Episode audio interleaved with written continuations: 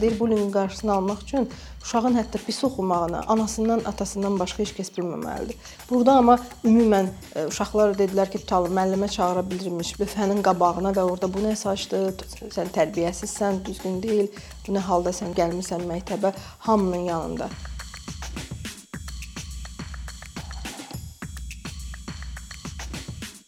Xeyli müddətdir ki, e, biz e, məktəblərdə şagirdlərə qarşı bullyinq hallarının baş verməsi ilə bağlı e, sosial şəbəkələrdən, mediadan xəbərlər oxuyuruq. Bullyinq halları yeni olmasa da, bullyinq sözü gündəmə yeni gəlib. Nə deməkdir bullyinq? məktəblilərə, yəni şagirdlərə qarşı aqressiv davranışdır. Yəni onların bu aqressiv davranışın hədəfi olmasıdır. Bu gün bullying mövzusunda danışacağıq. Azərbaycan qanunvericiliyində, dünya təcrübəsində bu məsələlər necə tənzimlənir və bullyinqə qarşı necə mübarizə aparılır? Qonağımız Azərbaycan Respublikası Vəkillər Kollegiyasının üzvü Sevinç Əliyeva. Sevinç xanım, xoş gəlmisiniz. Xoş gördük və təşəkkür edirəm sizə həm məni bu layihəyə dəvət etdiyiniz üçün, həm bu mövzuya diqqət yetirdiyiniz üçün. Sevinç xanım, məktəblərdə daxili qaydalar var. Bilirik ki, şagirdlərin, müəllimlərin davranış qaydalarını tənzimləyən. Onlar o bu qaydalarda bullying necə tənzimlənir və o qaydalara xüsusi müddəaların əlavə olunması ilə bağlı qanunvericilikdə tələblər varmı? Özü üzlüyündə dediyiniz o zorakılığın bullying növü olaraq qanunvericiliyimiz ayrıca tənzimlənmir. Məsələn, elə zorakılıq var, tutalım məişət zorakılığı ayrıca bir zorakılıq növü kimi qeyd olunur və onunla mübarizə haqqında ayrıca qanunvericilik tətbiq olunur. O da ondan irəli gəlir ki, çox həssas və çox yayılmış bir zorakılıq növüdür. Bullying deyilən məhz məktəblərin zorakılığa məruz qalması ilə bağlı ayrıca istər nizamnamədə, istər qanunvericilikdə bir müddəalar yoxdur.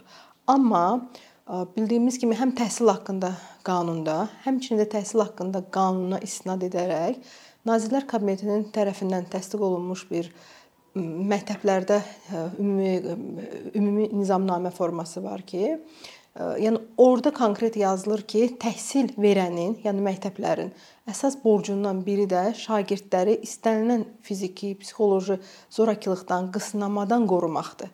Yəni bu özü özlüyündə dolayısıyla şagirdlərin bullyingdən qorunması ilə bağlı maddədir ki, eyni maddə həm dediyim kimi təhsil haqqında qanunvericilikdə var, həm məktəblərə dair Nazirlər Kabinetinin 2011-ci il tarixli qərarı ilə təsdiq edilmiş e, nümunəvi nizamnamədə və onu qeyd edim ki, həmin nizamnamə tək dövlət e, məktəbləri üçün e, zəruri deyil. Həmçinin də istənilən məktəb qeyri-dövlət müəssisələri, məktəb müəssisələri ilə bağlı mütləq qaydada həmin nizamnamələrdə olan müddəalar onların nizamnamələrində yer tapmalıdır. Bəs bu öhdəlik, yəni qanunvericilikdə nəzərdə tutulan öhdəlik necə icra olunur?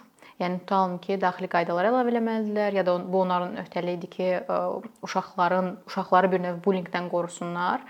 Buna necə nəzarət edirlər ki, həqiqətən də məktəblər bunu icra edə bilirlər yoxsa yox? Çox gözəl sualdır və problemin kökündə məsələ bu sualda belə deyək yatır. Deməli, dediyim kimi konkret olaraq məktəbin borcudur ki, şagirdi istənilən o zorakılıqdan tək digər şagirdlər tərəfindən yox, müəllimlər, kənar şəxslər, hətta valideynlərin özləri tərəfindən də hansısa bir neqativ halsa qorumalıdır.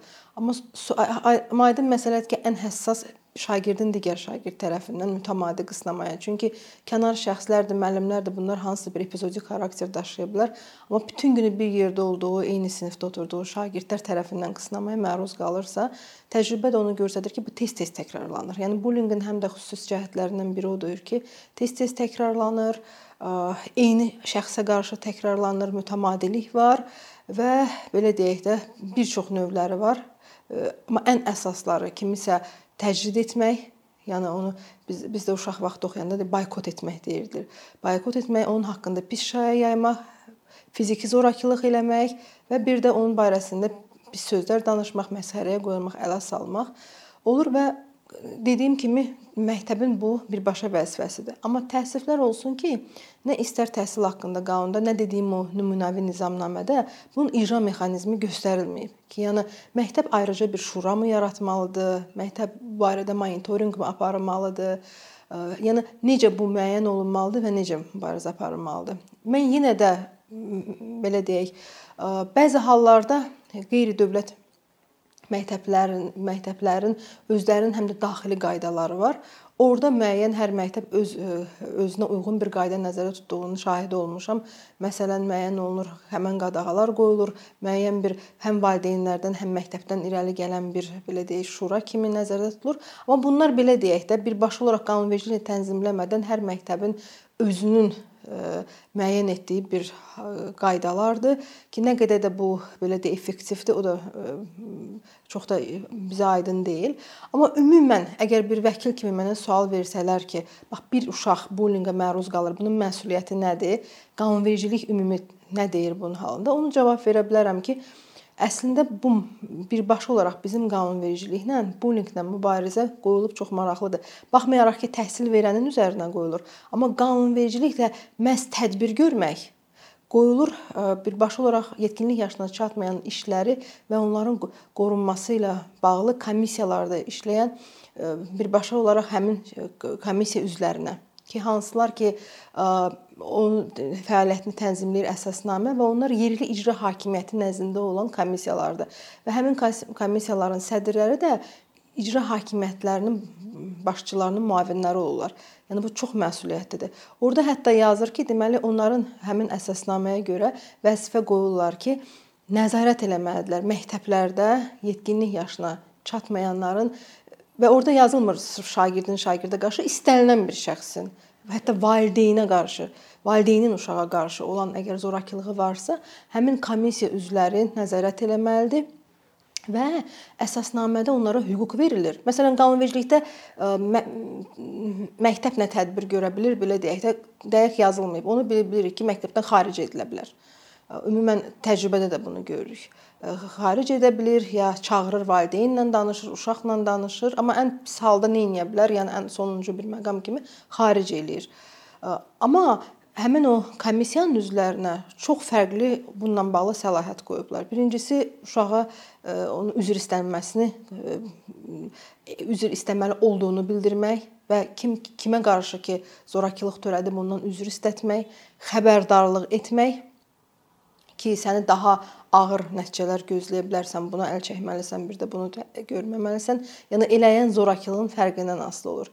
Ondan başqa, hətta əgər bu belə deyək, dözülməz hala çatırsa, təkrarlanırsa, öz qərarları ilə həmin şəxsi açıq tipli tərbiyə müəssisəsinə göndərmək və artıq bu belə deyək, zorakılıq və hətta cinayət həddinə çatırsa, amma cinayət məsuliyyəti üçün yaşı çatmırsa, məhkəməyə müraciət edə bilər ki, həmin şəxslərin qapalı təhsil müəssisələrinə göndərilməsi qapalı. Yəni bu qədər bu komissiyalara geniş belə deyək, səlahiyyətlər verib. Amma təəssüflər olsun ki, mənim də təcrübəmdə yəqin biraz burdan danışarıq bu belə deyək də bu bullyinglə bağlı gündəmə gəlmiş, rezonans doğurmuş Elina Hacıyevanın işində də gördük ki, bu komissiya necə belə deyək də bu səlahiyyətinə çox barmaq arası baxır, təəssüflər olsun.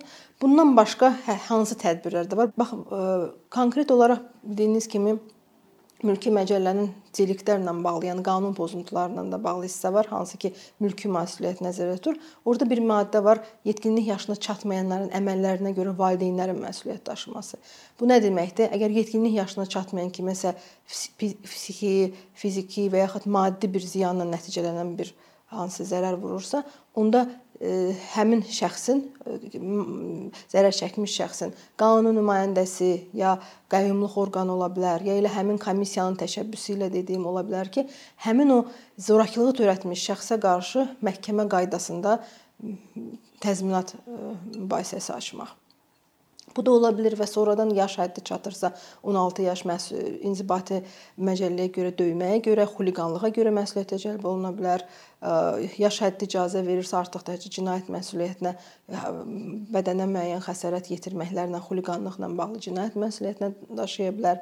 Yəni bu cür tədbirləri birbaşa olaraq bullying adlandırmadan, amma qanunvericilik tədbiri tutur. Amma birbaşa olaraq məktəblərdə belə deyək, ən böyük nəzarət və geniş səlahiyyətə malik ki, hə, uşaqların özünə qarşı tədbir görülə bilən şəxslər o dediyim yetkinlik yaşına çatmayan işləri və onların hüquqlarına dair komissiyalardır. Bunu uşaqlara xitaben desək, indi mən Elina кейsinə də gələcəm. Ondan əvvəl e, danışmaq istədiyim bu icra hakimiyyətinin nəzdində olan komissiyalarla bağlıdır uşaqlara xitabən desək, onların hansı hüquqları var? Yəni bullinqə məruz qalan uşaqdan gedir söhbət. Onlar tədbir görürlər, bullinqə məruz qoymuş uşağı, yəni ki, bullinq etmiş belə deyək də. Bəs 10 yaşında, 14 yaşında, 15 yaşında uşaq bullinqə məruz qalıb. Çünki siz də düzgün qeyd etdiniz ki, o valideynin tərəfindən də əslində müəyyən mənada bir qısnama məruz qala bilər və məktəblər əslində ondan da onu qorumalıdılar, əgər məlumatları olsa. Uşaqlar nə etməlidir? Kimə müraciət etməlidir ilkin ilkin olaraq? Əslində uşaq ilkin olaraq birbaşa vəzifə təhsil verənin üzərinə qoyulubdur. Uşaq müraciət etməlidir baş olaraq məktəbin müvafiq şəxslərin ola bilər. İndi özünə daha hansını yaxın sayır? Sinif rəhbəri olsun, direktor köməkçisi olsun, ya birbaşa direktora. Və onlar artıq bax bu məsələni belə deyək də adi baş vermiş kimi, yəni ki, olan bir şeydir birbaşa olaraq təhsil haqqında qanun müddəasını oxusaq, buna barmaq arası baxılmamalıdır. Çox ciddiyə baxılıb qərar müəyyən olunmalıdır. Əlbəttə birinci yeni başlayırsa, təzədirsə məktəb psixoloqu dəvət olunur. Yəni prosedur belədir. Məktəb psixoloqu dəvət olunur. Həmin o bullying törətmiş şəxsin valideyni, zərər çəkmiş şəxsin valideynləri dəvət olunur. Uşaqlar özləri dəvət olunur. Onlarla belə deyək, müəyyən bir söhbətlər aparılır. Və amma bu nəticə vermədiyi halda mütləq qaydada həmin komissiyaya müraciət edilməlidir və həmin komissiyanın nəzdində də həm hüquqşünas, həm psixoloq və digər şəxslər də iştirak etməlidir ki, artıq hətta belə deyək, əgər elə valideyn ola bilər ki, çox etinasızdır, uşağı çox da ciddiyə almır.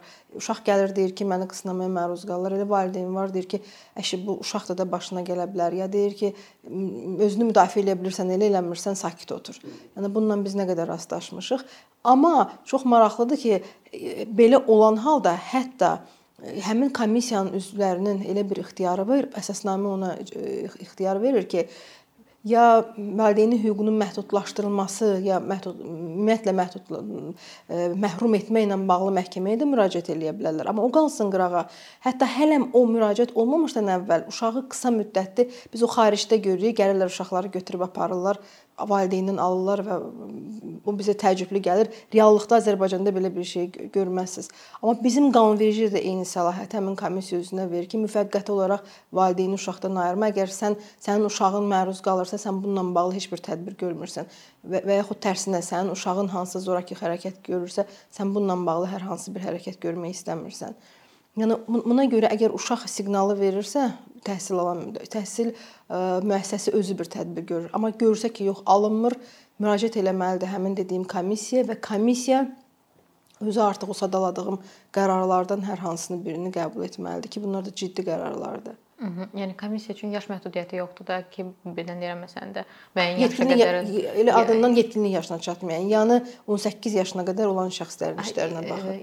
Yəni onu demək istirdim ki, valideyni olmadan onun müraciətinə baxılacaq da istənilən bir halda. Bir mənalı qaydada hətta valideynin əgər müəyyən olunsa valideynin passivliyi burada, ayrıca orada maddələr var ki, əsasnamədə valideynin özünə qarşı birbaşa olaraq məsuliyyət nəzərdə tutula bilər ən sonuncuda onu məhrum etməsi ilə bağlı xəbərdarlıqdan tutmuş məhrum etməklə bağlı.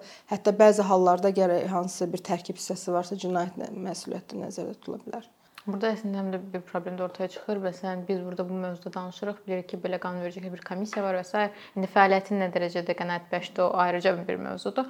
Amma məlumatlandırma yoxdur. Yəni uşaqların heç belə bir komissiyanın varlığından xəbəri yoxdur. Çox güman ki. Bax elə komissiyanı dedik, bax Elina işində də bax onu elə qeyd etmək istəyirəm ki, komissiya ancaq uşaq müəyyən olundu ki, komissiyanın üzvü gəldi yalnız uşaq suisid olandan sonra. Və hətta orada hakimlər də ona sual verdilər ki, bunun əvvəl nə etmisiniz? Çünki şahid ifadələrindən hamısı ifadə verdi ki, Elina 2-3 son 2-3 gündə nəsə hansısa bir təsadüfi zorakılığa məruz qalıb, birdən anidən o qərara gəlib özünü atmayıb. Bu yana məktəbə girəndən baş vermiş bir uzun sistematik olan bir zorakılıqdır.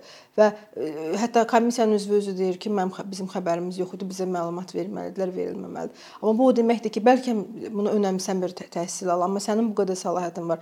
Sən gərək özün bir monitorinq aparasan lazım gəldə məsəl üçün müəyyən bir vaxtdan bir siniflərlə danışıq aparmalısan, uşaqları lap anonimlik qorumaq qoruması ilə söhbət aparmalısan. Amma orada o sual verəndə qayıtdı ki, Bəs ə, xəbərimiz olmadı, yalnız uşaq özünü atandan sonra bildi. Və çox da orada belə deyək də mənfi cəhət də oldu ki, hətta biz bu barədə vəsatət də falan da verdik. O komissiyanın heç bir ümumiyyətlə komissiyanın hansısa səlahiyyətli şəxsi müəyyən olub, onlar barədə tutalım məhkəmə tərəfindən müəyyən bir xüsusi qərardat da çıxarılmamalıdır, bir cəzalandırıcı, hətta cinayət məsuliyyəti qalsın qırağa. Yəni müəyyən tədbir ki, niyə görə belə bir haldan həmin komissiya üzvünün heç bir xəbəri yoxdur, heç bir tədbir görülmür. Çünki bu uzun müddət ərzində bu uşaq həmin belə zorakılığa məruz qalıb. Hətta psixoloji zorakılıqdan keçib şahid ifadələrlə müəyyən olundu ki, üzünə şillə də vurublar, təpikləyiblər də. Hardasa kimdənsə şəkil görünüb biraz alt paltarında, onu bir-bir aralarında yaymaq bu cür hallar müəyyən olunub. Amma bunun hamısına belə deyək də ümumiyyətlə nə təhsil verən, nə həmin o komissiyaya göz ardı yanaşıb. Ümumiyyətlə, yəni siz e, Elina işində e, zərər çəkmişin vəkili olmusunuz. Ən böyük çətinliklər o prosesdə nə idi? Düzdür, indi yəni bu intiharla nəticələnmişdi, belə olmadı bilərdi, amma istənilən halda, yəni istintaqda və e, ümumi gedişatda qarşılaşdığınız ən böyük çətinliklər Çətinlikdən əvvəl deyim ki, həmin iş məni nə mənada şoka saldı. Yəni əlbəttə bunu bütün məktəb e, direktorlarından lap özüm də məktəbdə iki məktəbdə oxumuşam. Yəni öz direktorlarımız da bu barədə deyə bilmərəm, amma məni şoka saldı ki, e, o işdəki həmin o bullyinqə nəinki Yəni bu bullyinqin əsas səbəbi şagirdlərdən ilk növbədə gəlməyib məktəb tərəfindən uşağın belə deyək, müəyyən bir təcrid olunmasından bəhrələnib onu zorakılıq uşağa göstəriblər. Çünki o uşaq biraz həm düşüncə fərqi ilə, geyim tərzi ilə biraz fərqli uşaq olub.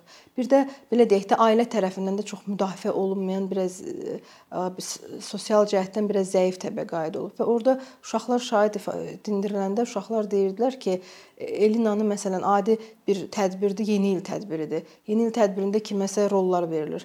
Deyir rollar yoxdursa uşağa verilmirdi. Tək o yox, əsas da biraz maddi vəziyyət nəzərdə alır. Təsəvvür edirsiniz, bu uşağı məktəb özü belə deyək də həmin uşağı fərqləndirir pis mənada fərqləndirir və elə bir bir növ nəinki qabağını almaq, digər uşaqlar da artıq görür ki, yox da bu tutalım kənarlaşdırılır, bunu heç e, sinif rəhbəri və yaxud direktor özü tədbir eləyəndə çağırmır. Və yaxud deyirdilər ki, adi biraz indi uşaqdır, e, fərqli psixologiyaya malikdir. Saçlarının tutalım hansısa bir hissəsini göy rəngə, qırmızı rəngə boyama boyamağı xoşdurdu. Onu olar ki, bax mən e, oxudum, yazır ki, ingilislərin bir məktəblə bullinqlə bağlı gözəl bir sözü var. Deyir, bullinqin qarşısını almaq üçün uşağın hətta pis oxumağını anasından, atasından başqa heç kəs bilməməlidir. Yəni bu qədər onu e, belə deyək də çalışırlar gizlətməyə, uşağı ictimai məktəb tərəfindən də qısnamamağı ki, kimsə oradan bir informasiya alıb ondan irəliləyib uşağı qısnasın. Burada amma ümumən e, uşaqlar dedilər ki, tutalım müəllimə çağıra bilirmiş məsəl üçün lövhənin qabağına və orada bu nə saçdı, sən tərbiyəsizsən, düzgün deyil, bu nə halda sən çıxış gəlmisən məktəbə hamının yanında. Ki bu belə deyək də bu artıq tərbiyə vermək deyil, bu daha da uşağı özünə qapanmağı və bəlkə də hansısa bir lap özünə qarşı da olsa aqressiv hərəkətlərə yönəldir. Və onun dediyim kimi orada bax ona mən çox təəccübləndim ki, yəni birinci o qısnamanı məktəb özü başlayıb direktor tərəfindən. Sonradan artıq uşaqlar ondan bəhrələnib buna qarşı göstəriblər və ən dəhşətlisi o işdə belə deyək də sarsıdıcı moment o idi ki, uşaq özünü atır 3-cü mərtəbədən 2 saat ərzində təcili tibbi yardım çağırılmır. Və çağırılmır nəyə görə və hətta düzdür, onun başı ya harasa bir partlamaq, qan axmaq olmur, amma direktor ali savadlı adamdırsa bilməlidir ki, daxili belə deyək də qanama bir şey var. İstənilən halda ən birinci ora təcili tibbi yardım gəlməli idi. Amma təsəvvür edirsiniz bu adam 2 saat ərzində yalnız həmin komissiya, yəni birdən buna söz gələr. İş materiallarından görsənir ki, adam yalnız Təhsil Nazirliyinə falana hansısa bir məsləhətlər çalmış. Özü gizlədir, demir ki, 3-cü mərtəbə uşaqdır, yıxılıb. Mən nə edeyim, nə edə bilim? Mən adam ancaq o anda özünü fikirləşir. Artıq uşaq özünü o qədər pis eləyir ki, məcburən, hətta orada bir ə, tibb bacısı var, deyir mən gəldim, qışqırdım, ölür, ölür ölür nə etməliyik? Ondan sonra təcili tibbi yardıma çağırıblar. Yəni belə deyək ki, o işin içində girməsən, yəni bu dərəcədə faciəvi bir halın olmasına inanmazsan. Bax çətinlik də mən sizə deyim, bax ən belə deyək də, düzdür, biz əlbəttə zərər çəkmiş şəxsik, biz narazı qaldıq verilən cəzanın yüngüllüyündən, sonra digər orada ancaq direktor və digər tutanma komissiya üzvləri və yaxud e, digər ordakı şəxslər, müəllimlər, onların heç bir məsuliyyətə cəlb olunmaması, bu da qalsın qırağa. Kimlər məsuliyyətə cəlb olundu orada? Yəni orada ancaq... yalnız məktəbin direktoru, həm səhlənkarlıq maddəsi ilə ki, öz vəzifələrini ləyaqətlə, vicdanla yerinə yetirməyib, bir də təhlükədə qurma, çünki 2 saat ərzində təcrid bir yardım çağırılmır. Hə, amma ki, hətta biz dedik ki, qoy bu görkə olsun, Təhsil Nazirliyi belə deyək, direktor götürəndə 100 ölçüb minbil üçün ki, yəni bu adam ümumiyyətlə də bir belə deyək nümunədir ki, direktor necə olmamalı idi. Və ona görə biz mülki məcəllənin bildiyiniz kimi var ki, işə götürənin hansısa bir əməlinə görə, öhdəliyinə görə maddi təzminat varsa, bunu işçinin e, hansısa bir əməlinə görə maddi təzminat işə götürəndən istəyə bilər. Bax çətinliyimiz onda oldu ki, bizim Təhsil Nazirinə qarşı da verdiyimiz onlardan biri o maddi mənəvi təzminatla bağlı mülki iddiamız rədd edildi və ancaq direktorun üzərinə qoyuldu ödəniş. Amma ümumən ancaq bir adamın üstündə onun hansısa bir işdən çıxarılması və məsuliyyətə cəlb olunması da bitməməli idi də. Məsələn, bu komissiya üzvlərinin hansısa bir e, işdən çıxarılması heç olmasa, hansısa bir e, tənbihlə bağlı tədbirin verilməsi və yaxud da bizim verdiyimiz maddi təzminatın tək e, direktorun üzərinə yox, işə götürənin üzərinə də qoyulması daha belə deyək də gələcəkdə bu halın qarşısını almağın ona təsir eləyərdi. Ümumiyyətlə beynəlxalq təcrübədə necədir? Yəni e, bullinqlə mübarizə aparmaq üçün qanunvericilik olsun, məhkəmə sistemi olsun, e, məktəblərin daxili qaydaları olsun, ən uğurlu təcrübələr hansılardır? Uğurlu təcrübələr mən deyərdim, ümumiyyətlə ondan başlayım ki, bu bəla ilə mübarizə Norvegiyada 80-ci illərdə başladı. Çünki orada belə deyək, bullinqin nəticəsində 3 uşaq intihara e, cəhd etdi və səhv etmirəmsə elə e, suitid halı baş verdi və ondan sonra artıq dövlət səviyyəsində bu məsələ qaldırıldı. Yəni Avropada o 80-ci illərdən başladı bu məsələnin aktuallığı və ondan sonra artıq elə dövlətlər var ki, fərqli yanaşmadır. Ellərində var açıq-aydın bir başı olaraq həmin bullyinglə mübarizəyə qarşı qanunvericilik var. Tək Avropa yox, məsələn götürək elə Yaponiyanın özü. Yaponiya ümumiyyətlə dünyada ən yüksək təhsil müəssisələrinə malik olan bir dövlət kimi tanınır. Ən güclü məktəblər ordadır. Amma onun da mən sizə deyim ki, çox belə ə, neqativ tərəfi də var. O qədər şagirdlərə qarşı qarşı tələblər yüksək olur, proqramlar çox belə mürəkkəb olur və onun nəticəsində həmin o çatdırmayan uşaqlar kompleksə girirlər və digər çatdıranlar onlara qarşı müəyyən belə deyək də hansısa bir qısnamaya məruz qoyurlar. Ona görə bax Yaponiyada ayrıca bullyinglə mübarizəyə dair qanun var. Və bundan da başqa Yaponiyada hər məktəbdə mütləq qaydada bir şagirdlərin şagirdlərə, digər şagirdlərə qarşı hər hansını qısnamaların qarşısının alınması ilə bağlı şura var. Həmin şurada həm valideynlərdən, həm məktəblərdən, həm hə, üzvlər var, hansı ki birbaşa olaraq yalnız və yalnız bu problemlə məşğuldurlar. Mütəmadi monitorinq keçirir, uşaqlarla söhbət aparır, həmin bu halları müəyyən eləyirlər. Və məsəl üçün oxudum ki, çox maraqlıdır. Bax Kanadada, Kanada təcrübəsi bullyinglə bağlı öndə gedən təcrübələrdəndir. Onlarda hər, hər bir siniflərdə birbaşa olaraq uşaqların özündən müəyyən olunmuş bir şuralar olur ki, hansı ki daha kommunikativ, yumşaq, xeyirxah, yaxşı oxumaqla seçilən uşaqları birbaşa olaraq tapşırırlar daha zəif, onlara qarşı e, belə deyək, e, nəzarət eləsinlər, kömək eləsinlər. Əgər hansısa onlara qarşı kim tərəfindən qısnama varsa, e, məktəb rəhbərliyinə bu barədə bildirsinlər. Yəni fərqli belə deyək, təcrübələr var. Və yaxud bax mən Böyük Britaniya təcrübəsində oxudum ki, Böyük Britaniya təcrübəsində bunun qarşısını almaq üçün ayrıca fənn nəzərdə tutulur çox məktəblərdə uşaqların bir-biri ilə kommunikasiyasının aparılması, hətta məktəblərdə deyir dostluq skamyaları var. Harda ə, belə uşaqlar gəlib otura bilərlər, bir-biri ilə dostlaşa bilərlər və yaxud problemləri olubsa, hələ məktəb rəhbərliyinə gedib şikayət etməmişdən əvvəl şans verilir ki, həmin skamyada oturub özləri bir-biri ilə danışıb məsələni çözsünlər və bax Britaniyada mənim ən xoşladığım, təkrarladığım kimi deməkdir ki, tək həmin o zərər çəkmişlə yox, həm də bullinqi törətmiş şəxslə böyük iş gedir. Çünki onlar özləri deyirlər ki, əsas o psixoloqlar sosioloqlar, hansı ki bu proqramları hazırlayır. Onlar deyir ki, əslində burada belə deyək də, zərər çəkmişdən də başqa e, o hansı istirabları keçirən tərəfdə o bullyinqi törədən şəxsdir. Çünki e, sevgi qıtlığı olmayan, sevgi görən, rahat, məmnun olmuş uşaq onların özünün də belə araşdırmasına nəticədə görsənir ki, çox nadirən halda elə bir uşaq digər uşağa qarşı heç bir əsas olmadan bir zorakılıq törədə. Əsasən o uşaq törədir ki, psixoloji travması var, özü valideyn tərəfindən zorakılığa məruz qalıb, özünün sevgi çatışmamazlığı var və aqressiyasını, eqosunu tətmin etmək üçün digər uşaqların üzərində özünün məruz qaldığını digər uşaqlar da tətbiq eləyir. Və ona görə orada hətta zərər çəkmişdən çox həmin onu törədən şəxsdə böyük reabilitasiya proqramları var. Ayrıca psixoloqlar da işləyir. Bir də bax mən onu deyərdim ki, elə psixoloq idim yadıma düşdü ki, bax elin işinin özündə də gör görsəndi ki, bizdə çox vaxt məktəblərdə psixoloq formal olaraq göstərilir. Hətta biz orada soruşduq ki, ayrıca psixoloq çağırıb otaqda danışdırın. Müəyyən olundu ki, məktəbdə uzun müddət ümumiyyətlə psixoloq otağı olmayıb. Psixoloq özü gəldi bunu dedi ki, halbuki bu işdən bağlı görsənir ki, xaricdə məktəbdə olan psixoloq ən belə deyək də başda gedən qüvvədir, hansı ki bu məsələləri araşdırır və kömək eləyir.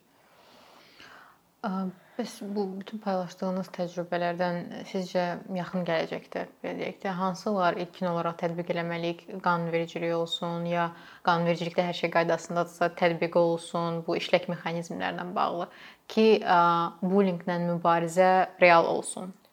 Əslində uşaq hüquqları haqqında ilə konvensiyanın 19-cu maddəsi özü deyir ki, dövlətlərin üzərinə vəzifə qoyur ki, uşağı bütün növ qısnamalardan, zorakılıqdan, təhqirdən, sui-istifadədən qorumalıdır və bunun üçün hüquqi, sosial e, istənilən növ tədbirlər görülməlidir. Konkret konvensiya bunu qoyur. Biz də həmin konvensiyaya qoşulmuşuq və ona da öz qanunvericiliyimizi mütləq qaydada uyğunlaşdırmalıyıq.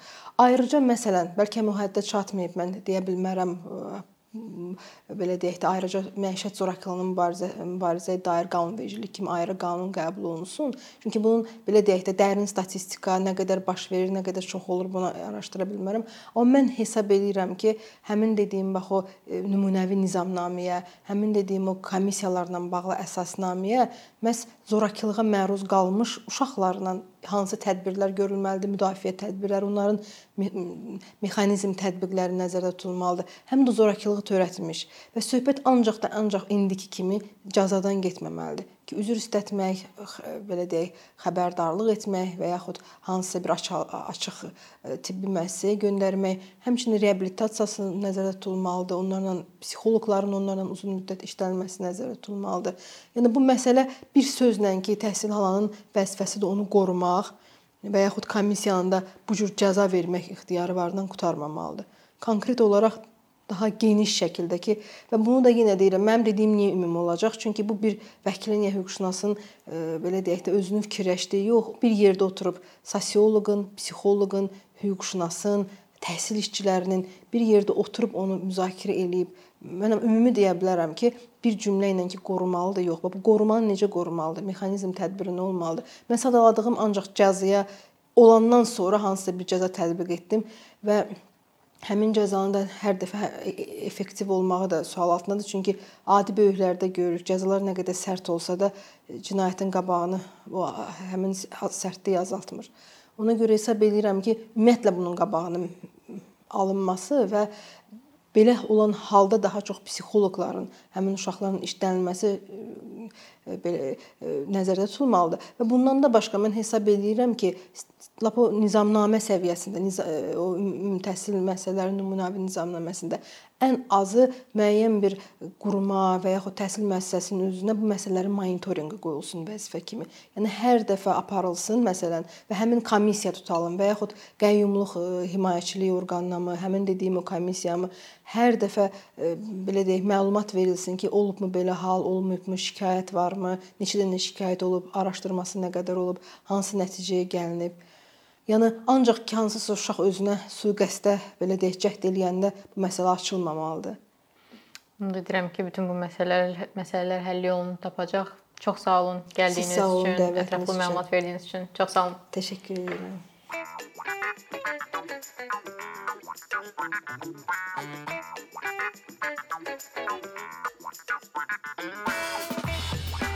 you.